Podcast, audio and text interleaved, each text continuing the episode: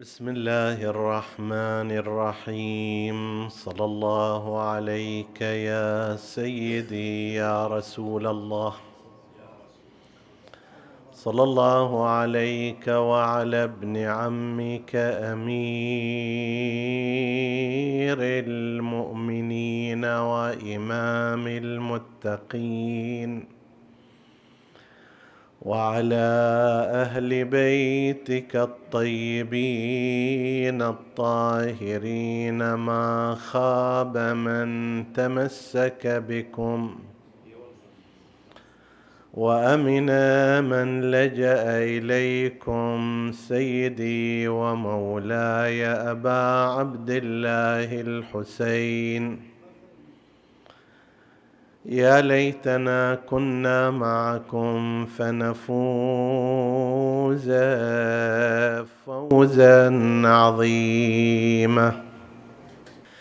قال الله العظيم في كتابه الكريم بسم الله الرحمن الرحيم. ومن آياته أن خلق لكم من أنفسكم أزواجا لتسكنوا إليها وجعل بينكم مودة ورحمة إن في ذلك لآيات لقوم يتفكرون. آمنا بالله صدق الله العلي العظيم. عطروا مجالسكم بذكر محمد وآل محمد.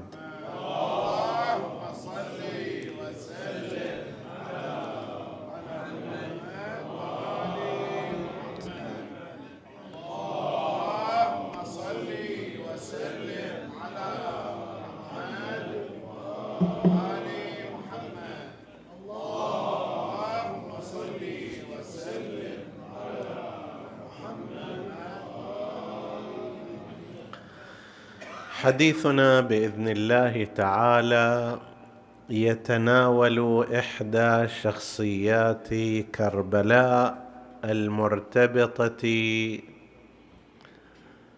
بالإمام الحسين عليه السلام وهي زوجته الطيبة ليلى بنت أبي مرة ابن عروة ابن مسعود الثقفي. وقد تقدم لنا كلام فيما مضى حول هذه الآية المباركة وما فيها من الملاحظات وأشرنا بعد ذلك إلى قانون التعدد في الزوجات الذي نلاحظه في حياة المعصومين عليهم السلام وأيضا إلى ملاحظة أخرى وهي أن زيجات المعصومين عليهم السلام لم تكن صافية مئة في المئة من جهة العوائل بمعنى أن من طرفي الأب والأم والإخوة أن يكون أقارب زوجاتهم في خط ولاية أهل البيت وإنما كانت هناك حالات يكون فيها الوالد على غير هذا المنهج واحيانا الوالدة وهكذا. والدة الزوجة أو والد الزوجة. ومر حديث عن السيدتين الزكيتين من زوجات الإمام الحسين أم إسحاق التيمية بنت طلحة والرباب بنت امرئ القيس الكلبية. حديثنا هذه الليلة يتناول جانبا من حياة وسيرة السيدة الطاهرة أم علي الأكبر شبيه رسول الله صلى الله عليه وآله وهي ليلى الثقفية. ليلى اسم هذا الاسم معروف في المجتمع العربي بل الآن في غير المجتمع العربي أيضا هذا موجود وعند العرب كان بمناسبة كلمة الليل. الليل فيه الظلام والسواد فكانت البنت أو المرأة إذا كان شعرها أسود فاحما شبهوا ذلك بالليل وأخذوا منه مناسبة لتسمية صاحبة هذه الخصلة وهي الشعر المنسدل الفاحم الأسود بالليل فتسمى ليلى. هذا في أصل التسمية عادة يلاحظون مثل هذه الملاحظات فنقل من كونه صفة إلى كونه اسما لامرأة ولأنثى. سميت بهذا الاسم. قيل إن ولادتها كانت في حوالي سنة عشرين للهجرة وأن زواجها بالإمام الحسين عليه السلام كان بين سنة اثنين وثلاثين إلى خمسة وثلاثين هجرية. وهذا راجع إلى الاختلاف أيضا في عمر علي الأكبر وأنه متى أنجبته وعندما كان في كربلاء هل كان عمره سبعة وعشرين سنة أو عمره أربعة وعشرين سنة خمسة وعشرين سنة يرجع هذا في جهة من جهاته إلى أنه متى تزوجها الإمام الحسين عليه السلام. بيئتها الأسرية أشهر من فيها هو عروة ابن مسعود جدها عروة ابن مسعود الثقفي من قبيلة ثقيف قبيلة ثقيف طائفية ليست قرشيه ليست مكية وإنما كانت تسكن الطائف. وهو عروة هذا ابن مسعود كان لعله الشخصية الأولى في الطائف.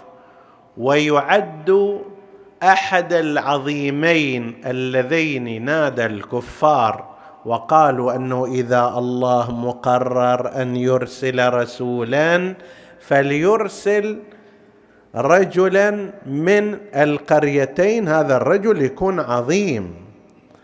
لولا أنزل هذا القرآن على رجل من القريتين عظيم واحد من العظيمين اللذين يتحدثان عنهما هو عروة يتحدثون عنهما هو عروة ابن مسعود جد ليلى كان شخصية كبيرة ومهمة.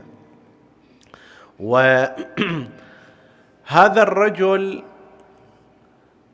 كان أحد الوجوه في الطائف بل ربما يكاد يكون الوجه الأكبر.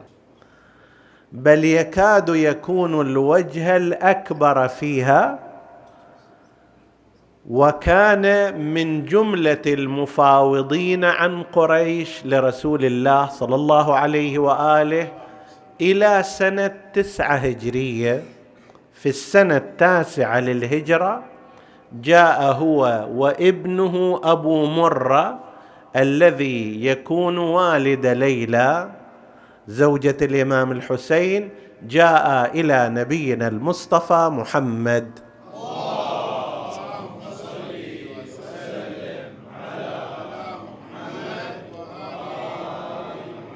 وأسلم وطلب عروة ابن مسعود من رسول الله صلى الله عليه وآله أن يعلمه ما ينبغي للإسلام فعلمه وكان من جملة ذلك أنه أمره بأن ينزل عن ست نساء كانت عنده لأن عنده عشر نسوان حسب التعبير.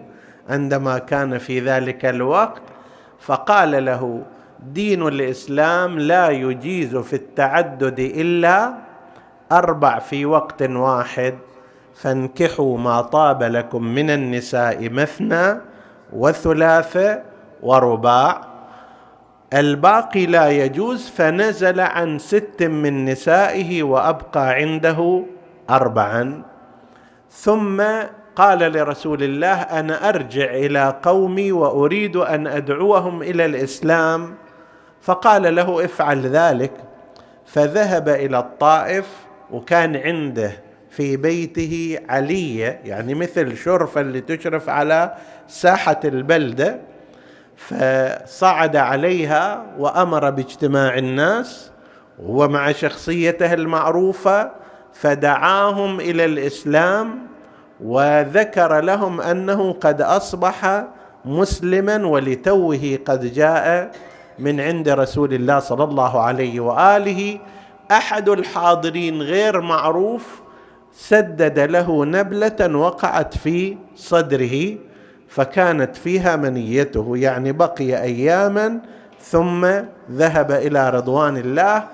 ويعد بذلك أحد شهداء الإسلام بالمعنى الأعم. للشهيد الذي ذكرناه قبل ليال. شهيد التبليغ للإسلام شهيد الإرشاد. طيب هذا كان والدها يوصف أيضا كما نقل عن رسول الله صلى الله عليه وآله في حديث المعراج بأنه النبي كان يقول مررت على الأنبياء وصليت بهم ورأيت عيسى ابن مريم فوجدته أشبه الناس به عروة ابن مسعود الثقفي من الناحية الجمالية والشكلية. عروة ابن مسعود يشابه بحسب هذا الحديث لو تم يشابه عيسى ابن مريم. المهم هذا سيرة الجد جدها وأبوها أبو مرة جاء بعد إسلامه وكان في وقت مبكر طبعا قبل ولادتها بزمان طويل يعني حوالي أكثر من 11 سنة قبل ولادة السيده الجليله ليلى. أخذ مكان والده وكان يقوم بما كان يقوم به والده اللي هو جد ليلى. في الأمور الاجتماعية. هذا من جهة الأم والأب. من جهة ال من جهة الأب والجد. من جهة الأم أم ليلى هي ميمونة بنت أبي سفيان. ولهذا هي تنتسب من هذه الجهة إلى الأسرة الأموية. وهذا يرجعنا إلى ما ذكرنا سابقا في قضية أم إسحاق بن طلحة ابن عبيد الله التيمي. ذكرنا في ذلك المكان عدة جهات تبرر وتوجه الزيج بمثل هؤلاء وأنه أحيانا كثيرة تكون المرأة الصالحة في بيئة أسرية ليست بمستواها فلا ينبغي أن تؤاخذ بذلك الأمر. ويضاف إلى ذلك لو أن المعصومين عليهم السلام اقتصروا في زيجاتهم على من يكون خالصا في كل زيجاتهم يعني حتى غير أمهات المعصومين. لو اقتصروا على أن تكون كل زيجاتهم خالصة مئة في المئة لم يكن لهم أن يتزوجوا لتشابك هذه العوائل وهذه الأسر وهذه القبائل بحيث لا يمكن بعد تشوف هذه القبيل لازم يتزوجون في بني مخزوم ولا يتزوجون في بني تيم ولا في بني عدي ولا في كذا ولا في كذا وهذا أمر لا يتيسر بالإضافة إلى ما ذكرناه قبل ذلك. لعله لهذه الجهة ينقل عن بعض التواريخ أن المعسكر الأموي أراد استمالة علي الأكبر عليه السلام بقضية الرحم أن بينك وبين الأمير كما يقولون يعني يزيد أكو رحم فماكو داعي لأن تتلف نفسك وتقتل نفسك ونحن قد جئنا لك بأمان. بعضهم يقول هذا ناظر إلى هالجهة وهناك احتمال آخر لا هو ناظر إلى وجود رحم مع عمر بن سعد. عمر بن سعد والده سعد بن أبي وقاص أمه من بني أمية أيضا. أمه من بني أمية. حمنة بنت أبي سفيان أو بنت سفيان ابن حرب على ترديد بين المؤرخين.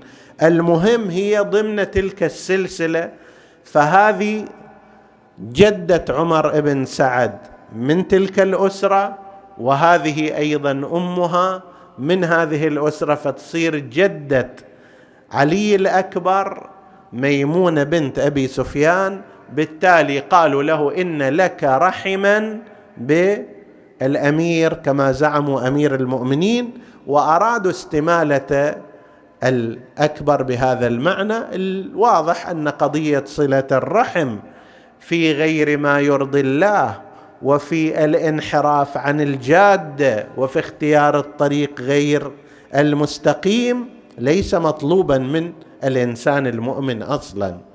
هذا فد شيء إجمالي عن هذه المرأة الطاهرة والطيبة زوجة الإمام سلام الله عليه.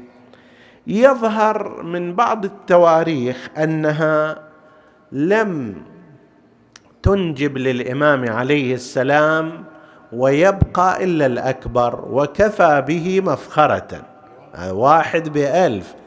أشبه الناس خلقا وخلقا ومنطقا. أكو فرق بين شبيه وأشبه. قالوا إن الذين شبهوا برسول الله صلى الله عليه وآله أكثر من سبعة. من بينهم الحسن من بينهم الحسين من بينهم جعفر ابن أبي طالب من بينهم قثم ابن العباس. طيب كل واحد له ميزة في شباهته برسول الله.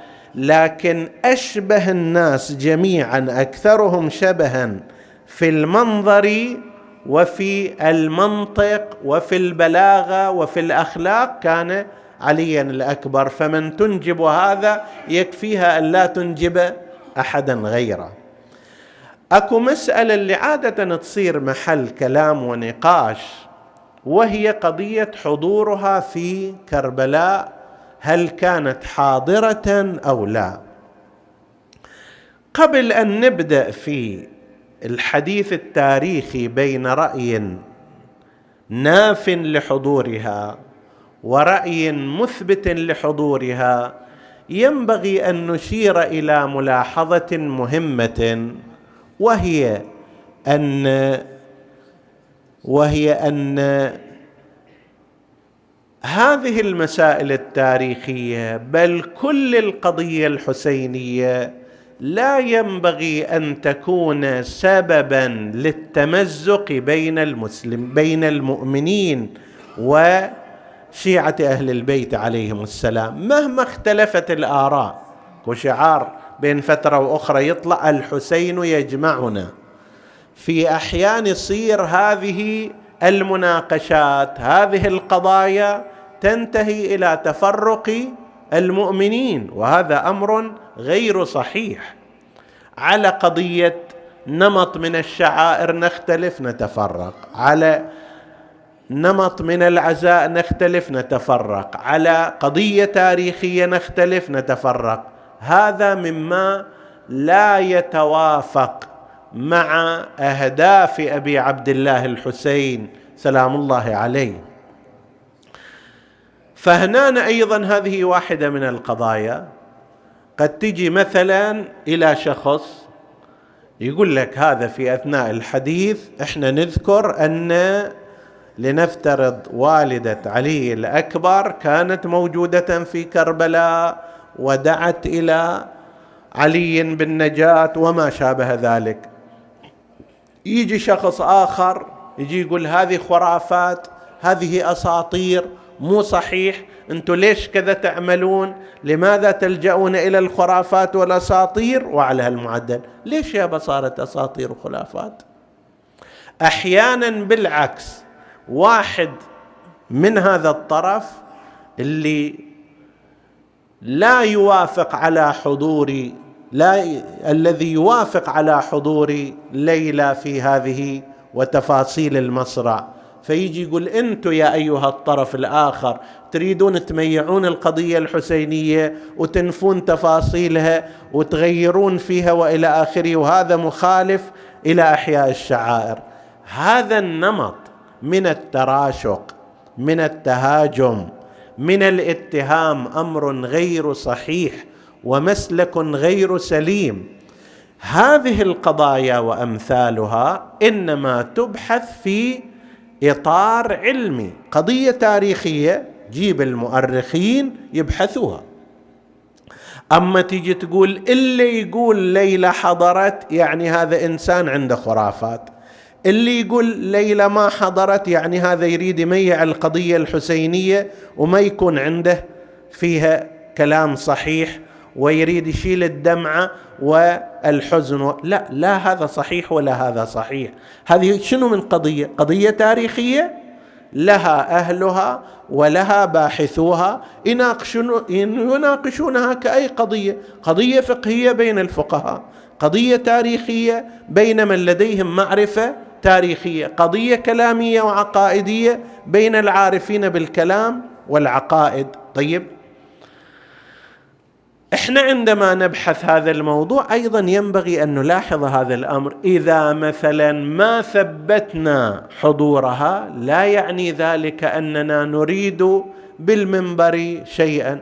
وإذا ثبتنا حضورها أيضا لا يعني إحنا نسلك مسلك الأساطير والخرافات كما يقول البعض وإنما هو عرض تاريخي للجهتين حتى يتنور الإنسان ويتبصر. هناك بين المؤرخين والمؤلفين رأيان في قضية حضور ليلى إلى كربلاء وعدم حضورها. الرأي الأول رأي من ينفي يقول ليلى لم تكن في كربلاء. إذا ما كانت في كربلاء معنى ذلك هذا الكلام والتفاصيل ومجيء علي الأكبر وحديث الأكبر مع أمه وكذا كل هذا ما يكون سليم. وإذا لا ثبت أنها موجودة ممكن أن يثبت ذاك. فلننظر ماذا يقوله من ينفي هذه القضية. كأن أول من صرح بضرس قاطع بأنه ليلى لم تكن موجودة في كربلاء وأن ما يتناقله الخطباء غير صحيح هو المرحوم الميرزا حسين النوري الطبرسي. متوفى سنة 1320 هجرية يعني قبل كم سنة؟ 120 سنة تقريبا. وهو من المحدثين الأقوياء محدث بارع يعتبر عند علمائنا لديه كتاب مستدرك الوسائل و خاتمة المستدرك عنده خاتمة المستدرك بحث رجالي متقن جدا. مستدرك الوسائل غالب علمائنا يضعفون رواياته. لكن هو الرجل رجل عالم ومحدث كبير.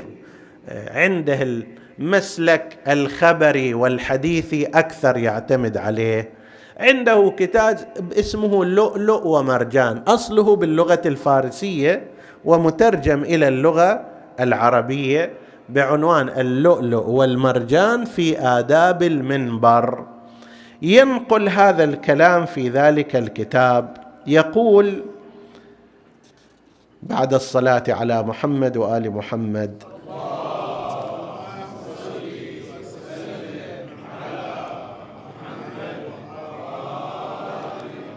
يقول ما يتناقل عند بعض الخطباء من قول الحسين عليه السلام لأم علي الأكبر ان ادخل الخيمة وادع الله في رجوع الولد.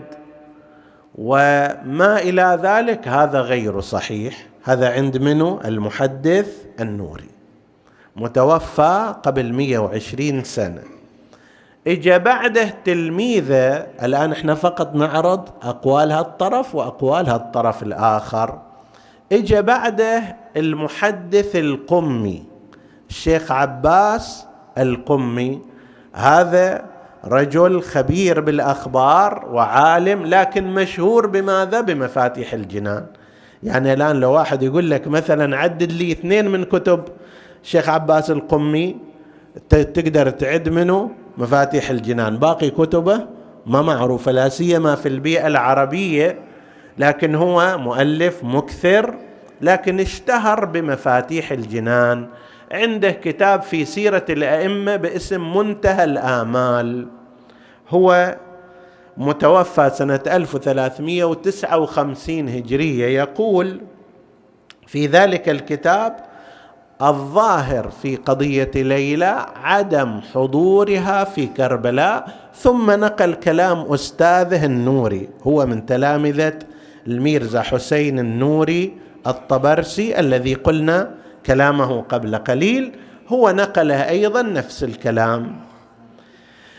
نجي فيما بعد إلى السيد المقرم السيد عبد الرزاق المقرم واحد من الباحثين التاريخيين وبالذات في قضية كربلاء من تلامذة الإمام الحكيم رضوان الله عليه والإمام الخوئي وتحقيقاته أكثرها وتأليفاته حول كربلاء. وما يرتبط بها من شخصيات ومن أشهر كتبه الآن كتاب مقتل الحسين اللي يرجع إليه الخطباء والعلماء. هذا لما يجي إلى هذه القضية ما يجزم بالموضوع يقول لعلها أي أي ليلى لعلها توفيت قبل واقعة الطف. ممكن أن تكون توفيت قبل واقعة الطف. ليش؟ لأنه إذا كانت على قيد الحياة فليس معقولا أن تبقى برا كربلاء. بالتالي هذه ابنها رايح إلى المعركة زوجها رايح إلى المعركة زوجها طالع من المدينة إلى مكة ومنها إلى كربلاء. ما لا معنى لأن تبقى في المدينة وحدها. من الطبيعي أن يسترفق الحسين زوجاته وأن تكون معهم معه مع الحسين عليه السلام. هذا ثالث. الرابع المرحوم الشهيد الشيخ مرتضى مطهري شهيد سنة 1400 هجرية. معروف رجل له كتابات كثيرة جدا في مجال الثقافة الإسلامية وفي مجال الفلسفة الإسلامية وهو مدرس في بعض الحوزات وفي الجامعة إلى ما, ما قريب أيام السيد الخميني رضوان الله عليه بعد ما صارت النهضة الإسلامية هناك اغتيل الشهيد المطهري على يد بعض الفئات المسلحة واغتيل بالرصاص وكتبه كتب ناضجة وقوية في الغالب عند كتاب اللي هذا هو مثار الكلام حوله هو في الأصل محاضرات ألقاها في الجامعة بمناسبة أيام عاشوراء حول الأمر بالمعروف والنهي عن المنكر على ضوء السيرة الحسينية وخروج الإمام الحسين عليه السلام. فتكلم في بدايات المحاضرات عن أن واقعة كربلاء تعرضت إلى تحريفات متعددة وذكر من التحريفات إثبات وجود ليلى في كربلاء. قال من التحريفات أنهم يقولون أن الحسين قال لليلى كذا وكذا والحال أنها لم تكن في كربلاء حتى يحدثها الحسين. ثم يقول هذا أصلا مو منطق الحسين أن يجي يقول إلى ليلى أنه تعالي ادعي ربك حتى يرجع إلى إليك. وإنما هو جاي للتضحية وللقتال ويعرف هذا الدرب وإلى آخره. هذا إجمال ما ذكروه آخرهم المرحوم الشيخ محمد تقي التستري. أيضا لديه كلام أيضا مؤلف من المؤلفين وهو رجل يعني متخصص في علم الرجال ويقول لم يذ لم يذكر أحد من أصحاب السير المعتبرة حضور كر حضور ليلى في كربلاء. هذا جملة ما ذكروه. نحن نلاحظ هنا خلي هذا في بالك أن أول نفي لحضور ليلى في كربلاء بدأ من حوالي سنة 1320 اللي هو زمان المرحوم الميرزا النوري قبله لم يعثر على من ينفي. طيب فيما بعد الغالب هم إما صدى لكلامه أو اعتماد عليه أو ما شابه ذلك. هذا من ينفي. أكو هناك رأي آخر يثبت حضور ليلى في كربلاء وأنها كانت موجودة هناك. أقدم مصدر ذكر هذا المعنى ذكره أحد المؤلفين وهو الشيخ الإسفرائيني. عنده كتاب اسمه نور العين في مشهد الحسين ويتحدث عن واقعة كربلاء. هذا الرجل متوفى سنة 316 هجرية يعني في زمان الغيبة الصغرى للإمام الحجة عجل الله تعالى فرجه لذكره ولذكر آبائه صلوا عليهم.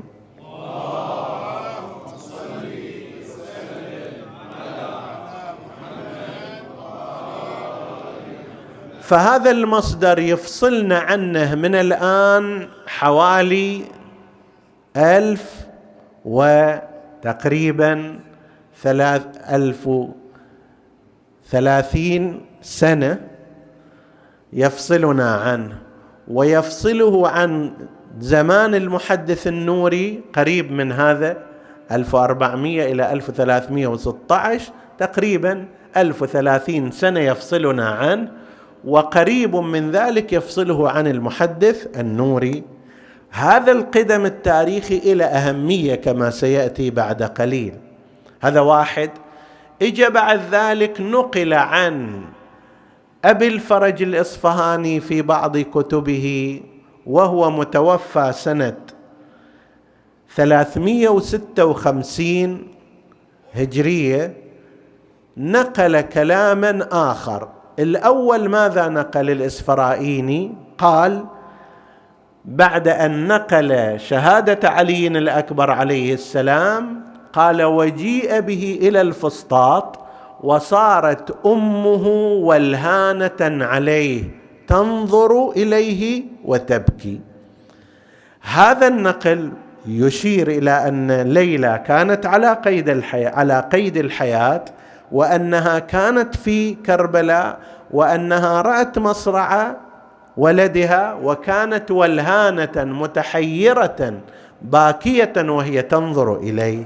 هذا ينقل هالمعنى سنة 316 هجرية ما نقل عن أبي الفرج الإصفهاني من زاوية أخرى ينقل بأسانيده هو عن راو أنه بعدما فرغ من الحج ذهب إلى زيارة سيدنا ومولانا رسول الله صلى الله عليه وآله في المدينة وكان ذلك سنة ثلاثة وستين هجرية. الراوي اللي ينقل هذه القضية في سنة ثلاثة وستين هجرية بعدما فرغ من الحج جاء إلى المدينة للزيارة. هناك مر على بيت فيه بكاء ونياحة. فسأل بيت من هذا؟ فقالوا هو بيت ليلى أم علي الأكبر زوجة الحسين فإنها لم تزل تبكي على ابنها علي الأكبر ليلا ونهارا. فإذا كان هكذا هذا يثبت أنها كانت موجودة على قيد الحياة في ذلك الوقت إلى سنة 63 ومن الطبيعي إذا كانت في سنة 63 موجودة هناك أن تكون قد رافقت الحسين عليه السلام في سنة ستين للهجرة إذ لا يعقل أن يتركها ولا يعقل أن تتركه وتبقى في المدينة. هذا نقل آخر. النقل الثالث شبيه بالأول وهو لأحد علمائنا المعروفين وهو ابن شهراشوب المازندراني متوفى سنة 588 هجرية. هذا الرجل أيضا عنده كتاب اسمه مناقب آل أبي طالب والعلماء غالبا يعتمدون على أقواله ونقولاته ولا سيما صاحب البحار ومن تأخر عنه كثير يعتنون بنقولاته. والرجل من علمائنا الكبار المحسوبين هذا أيضا نقل نفس الكلام الذي نقله الاسفرائيني من أنه لما جيء بعلي إلى الفسطاط وقفت أمه ولها وهي تبكي وتنظر إليه وتبكي عليه. هذا القدامى من المعاصرين اللي كثير دافعوا عن هذا الموضوع. أولهم المحقق سيد جعفر العاملي سيد جعفر مرتضى العاملي موجود ادعو الله له بالعافية والشفاء. وهذا الرجل كتبه كتب كثيرة وأخذ جانب التحقيق في السيرة قدر الإمكان وسد فراغا كبيرا كان موجودا عند كتاب الصحيح من سيرة الرسول الأعظم في بعض طبعاته 35 مجلد. عندها الصحيح من سيرة أمير المؤمنين عليه السلام في بعض طبعاته 30 مجلد عند الحسين بين السيرة والأدب والتاريخ 12 مجلد وعنده غير هذا دراسات متفرقة في قضايا التاريخ حوالي خمسين مجلد. زرناه قبل مدة من الزمان وطلعنا على بعض مكتبته التي ألفها هو. باحث جاد قد تتفق معه في كل آرائه أو تختلف بس هناك بحث جدي. هذا العالم الجليل عنده كتاب اسمه عاشوراء فوق الشبهات. هو يتحدث عن أنه مع كل محرم يأتي يصير هناك لغط وكلام وتشكيك وما شابه ذلك. وأورد مثالا على ذلك في موضوع قضية ليلى. وأثنى كثيرا على الشهيد المطهري رحمه الله. وقال هذا عالم جليل وباحث قدير لكنه في كتاب أول شيء هو يحتمل أن هذه مو كلها محاضرات وكلمات شهيد المطهري. وإضافة إلى ذلك يقول ولو كانت أيضا إلى الشهيد المرحوم مطهري رضوان الله عليه فنحن وهو أمامنا الأدلة. إذا كان الدليل قائم نتفق معه أو نختلف مهما علت مرتبة العالم. وهذا ما يخفف من احترام عالم لعالم عندما يناقشه. إحنا نلاحظ نشوف مثلا بعض تلامذة الآيات العظام يناقشونهم ويخالفوهم. هذا مو قلة احترام بالعكس. هذا إنضاج وهذا كأنما الإنسان يرد الجميل لأستاذه. أيضا إذا عالم يناقش عالم آخر بأدب وبجانب علمي هذا يثري الساحة. ففي رأيه أنه لا الشهيد المطهري رضوان الله عليه إنما اعتمد على كلام المحدث النوري ولم يورد أدلة قاطعة على عدم الحضور وأورد في المقابل ما ذكره الرأي المثبت وقال هذه نصوص موجودة وبعضها يرجع إلى سنة 315 و16 هجرية. كيف يقال لم نعثر على مصدر أو ماكو خبر أو إلى هذه الأخبار موجودة ولا يترتب على ذلك محذور من المحاذير ولا مشكلة من المشاكل. هذا واحد. والثاني أيضا ممن بحث هذه المسألة بحث جيد لو أراد أحد أن يرجع إليه المحقق الكرباسي في كتابه دائرة المعارف الحسينية أيضا عنده قريب من 35 إلى 40 صفحة. يناقش قضية ليلى في كربلاء ورأي المثبتين ورأي النافين ويحاول أن ينتهي إلى رأي وهو ممن لا يؤيد فكرة أنها لم تكن. يقول ما في محذور وأنه بعض المؤرخين أثبت هذا فما في مشكلة إذن. هذا إجمال المطلب نحن بناء على ما تقدم من الحديث. النافي ماذا يقول؟ يقول أنا ما عندي خبر لم يثبت لي ليس عندي مصدر معتبر. طيب ما عنده دليل على عدم الحضور؟ متى يصير عنده دليل على عدم الحضور؟ عندما مثلا يثبت أنها توفيت مثلا قبل واقعة كربلاء. لو واحد اجى قال أنه ليلى بهالدليل هذا توفيت سنة 59 أو أول سنة ستين. خلاص بعد يقطع الكلام. ليش؟ لأن ما دام توفيت انتهى الموضوع. وأما إذا الرأي على الأمر الآخر أن بعض النقولات أنها بقيت إلى سنة 63 هجرية طيب فهذا لا يكون.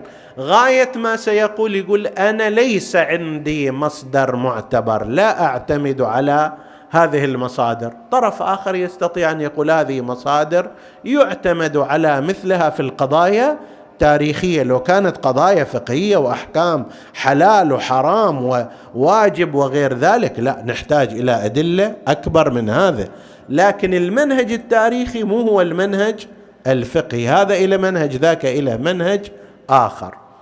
ما نستفيده من كل المسألة أنه على فرض أنا إجيت وأيدت عدم حضورها وإنت إجيت وأيدت حضور هذه السيدة في كربلاء. لا ينبغي هذا أن ينتهي إلى شيء من التراشق. افترض أنا أسمع خطيب يذكر لنفترض أن كرب أن ليلى جاء إليها الأكبر ودخلت ودخلت الخيمة ودعت وأنه قامت وقعدت وغير ذلك.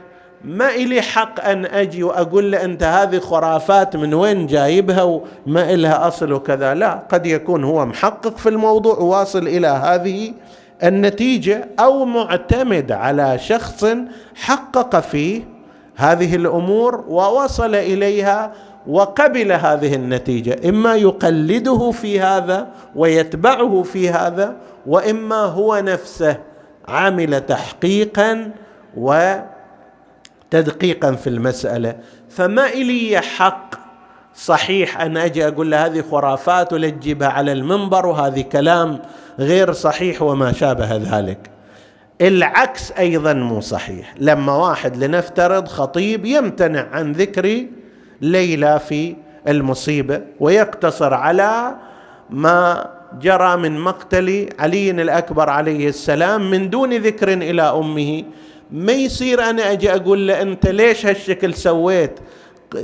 قصمت ظهر المصيبة ما خليت الدمعة تجري وأنت عندك مشكلة في هذا الجانب وضد الشعائر ضد المراسم ضد البكاء ضد الدمعة راح تضيعوا السيرة الحسينية. هذا أيضا غير صحيح. لا ذاك صحيح ولا هذا صحيح وإنما ينبغي الابتعاد قدر الإمكان عن قضايا التراشق إلى الحالة العلمية. عندي أنا بحث علمي أقدمه لك أنت عندك بحث علمي قدمه إلي. إن اتفقنا الحمد لله. ما اتفقنا كل واحد يعمل على قل كل يعمل على شاكلته فربكم أعلم بمن هو أهدى سبيلا. الإمام الحسين عليه السلام اللي نهضته هذه المباركة جاءت لإصلاح العالم كله مو في زمانه إلى المستقبل. والإصلاح إنما خرجت لطلب الإصلاح الإصلاح السياسي الإصلاح الثقافي الإصلاح العقائدي الإصلاح الاجتماعي. من الإصلاح الاجتماعي أن نبتعد عن التفرق والتقد والتشرذم والتقاذف والتراشق. هذا من الإصلاح الاجتماعي.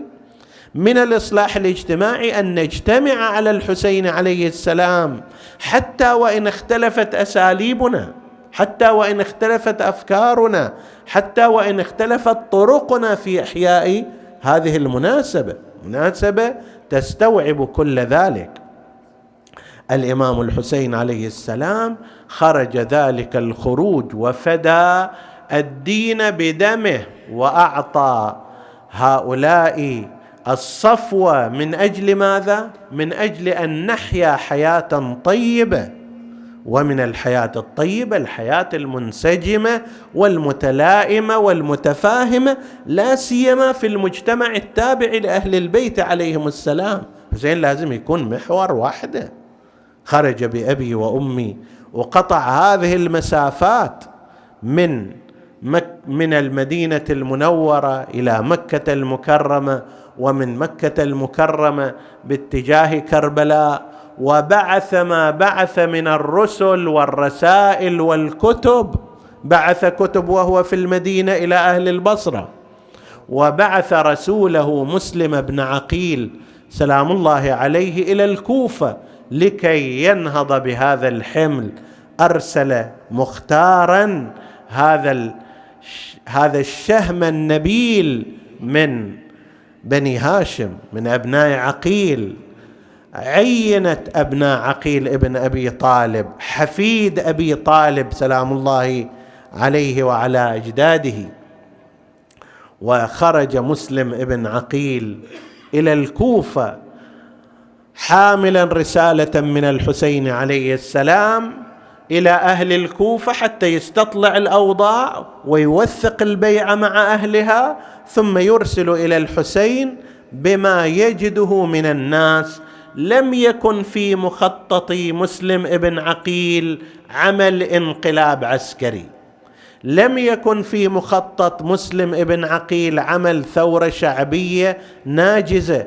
وإنما كما ورد في رسالة الحسين فإن وجد رأي الملأ منكم على ما أتتني به رسلكم وكتبكم كتب إلي حتى أقدم سريعا إن شاء الله.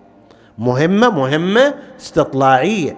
ولذلك في المرحلة الأولى بعد ما صارت البيعة لمسلم وما شابه ذلك إلى ما قبل مقدم ابن زياد لعنة الله عليه كتب مسلم إلى الحسين أما بعد فإن الرائد لا يكذب أهله.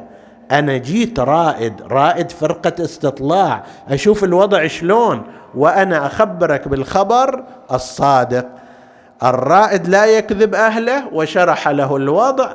هذا الوضع تغير على أثر مجيء ابن زياد لعنة الله عليه. هذا الرجل على خلاف ما كان عليه مسلم من التمسك مسلم تمسك بالأخلاقيات إلى أقصى درجة وهذا داس الأخلاقيات بكل وقاحة. الكذب استخدمه تهديد استخدمه تزوير استخدمه الاعتقال استخدمه يأخذ البريء بذنب المتهم وهكذا. ما كان عنده شيء. حتى لقد تنكر في صورة الإمام الحسين عليه السلام زور على الناس كأنه الحسين. جعل مقدمة كأنه جاي من جهة الحجاز مع أنه جاي من جهة البصرة كان واليا على البصرة ولبس كما يلبس أهل الحجاز واعتم بعمامة سوداء على طريقتهم وتلثم حتى يخفي شخصيته. هذا نوع من أنواع التزوير على الناس حتى أن الناس كانوا بعضهم يسلمون عليه السلام عليك يا ابن رسول الله وهو يرد عليهم بهذا. فجاء إلى الكوفة وقلب الأوضاع اجى إلى رؤساء الشيعة فطلبهم طلب طلبا حثيثا. اللي قدر عليه اعتقله.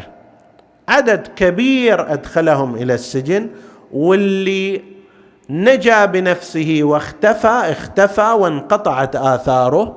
طيب هنا تقطعت الأوصال بين الكبار كبار الشيعة ومشايخها وبين عامة الناس الذين بايعوا مسلما فرض الأحكام العرفية أي واحد يتجول في الكوفة فالذمة بريئة منه ذمة بريئة منه يعني يقتل فورا. حتى لقد نقل أن رجلا غريبا غير كوفيا كان قد جاء يتقاضى دينا من أحد مديونيه في في الكوفة. فقدمه قال شنو جاي أنت؟ قال أنا غريب وما أدري عن شيء وجاي طالب بفلوسي قال اقطعوا عنقه هذا صحيح يقول هالكلام بس إذا هذا عفونا عنه ذاك أخلينا سبيله ما يصير اقطعوا عنقه ما يفيد.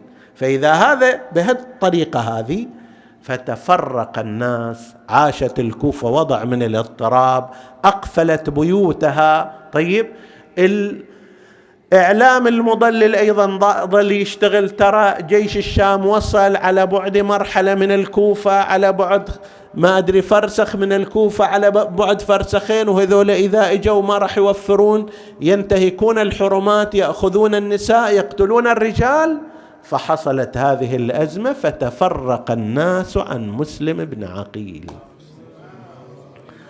وإذا به بأبي وأمي كما تنقل الروايات التاريخية يصلي وحيدا صلاة العشاء فلا يجد أحدا حتى يدله على طريقه. هو هم بيت ما عنده ترى. مسلم عندما ذهب لم يكن عنده مو من أهل الكوفة. أول نزل في بيت المختار بعدين نزل في بيت هاني. المختار الآن تحت الطلب والسجن وهاني ابن عروة مسجون وزوجته لا تريد أحد أن يأتي إلى بيتها. طيب شوف الفرق بين زوجة هاني وبين طوعة الفرق العظيم بين هذه وتلك. هذه آوت وتلك تخلت. زين؟ فإذا به يت يتسلل إلى أزقة الكوفة لا يجد معه دليلا يدله. مسلم ترى شابهت شهادته كثيرا شهادة الحسين. أولا غريب غريب في بلده وذاك غريب كربلاء. هذا ذبح عطشانا وهذا أيضا قتل عطشانا. لو كان من الرزق المقسوم لشربته وما شرب. هذا ردت صدره وظهره حوافر الخيل وهذا رددت عظامه بإلقائه من أعلى السطح إلى الأرض ثم سحبت جنازته بالحبال في أزقة الكوفة. هذا مسلم بأبي وأمي. ها هو على باب طوعة يطلب الماء. طوعة تأتي له بالماء ألم تشرب الماء؟ قال لها بلى. قالت اذهب إلى أهلك. لا أجيز لك الجلوس على باب داري. أين أهلك؟ اذهب إليهم. يقل لها وعين مستديرة. أنا لا أهل عندي. أنا لا أهل عندي ولا عشيرة ومثل حيرتي ما جرت. حيرة أنا مسلم أنا مسلم الفاقد نصيرة. تقول لي يا غاتي ما عرفتك ومن ريبت منك طردتك. أنا الخادمة أنا الخادمة وسهلة طلبتك. أهلا وسهلا الدار دارك. أمة الله خادمتك. إلى الدار أدخلته بقي ليلته تلك. قائما وقاعدا وراكعا وساجدا. ما أن انبلج عمود الفجر إلا وهو يسمع وقع حوافر الخيل. وزعقات الرجال طاعة تصيح من السطح وش هالكسيرة ريتك حضرت تشوف يا شيخ العش بن عمك الموثوق طايح بالحفير. قادوه مثل الطير مكسور الجناح. وصاحت يا مسلم يا عظمها خجلتي في شبيدي وأنا حرمة ضعيفة وما أقدر احميك لا يرخصونك كان فيت قلبي ودا. كان سلمت من كيدهم سلم على حسن قالها يا طاعة اليوم ما تحصل سلامة. أوصيك كان بهالبلايا الطبة ويتام قولي لهم مسلم يبلغكم. سلام أجرك على الله والنبي سيد الكونين عظم الله أجوركم بينما هو يقاتلهم وإذا بلعين يضربه على وجهه. فشتر شفته ووجهه ندر السيف من يده وقع على الأرض أوثقوه كتافا. جاءوا به إلى ابن زياد أمر اللعين أن يصعد به إلى أعلى القصر وجه وجهه ناحية الحجاز. أنا وأنت ومسلم ننادي السلام عليك يا أبا عبد الله. السلام عليك يا ابن رسول الله. إن أهل الكوفة غرونا وخذلونا. ما أتم كلامه إلا واللعين يفتح باعه ويضرب المسلما على حبل عاتقه. فقطع رأس مسلم ايوا مسلما وسيدا ثم رميت جنازته على الأرض وأخذوا يسحبونه بالحبال. مصيبتكم مصيبة شيب الأطفال. ومن قبل المشي بتشيب الأطفال. شفت ميت يجرونه. بالحبال يا صاحب لا تضين صارت مثله عقب هذا فزعت مذحج من الدور وشقت لعد هاني ومسلم قبور. بس جثة حسين بيوم عاشور تظل بالشمس ما حد يصلها.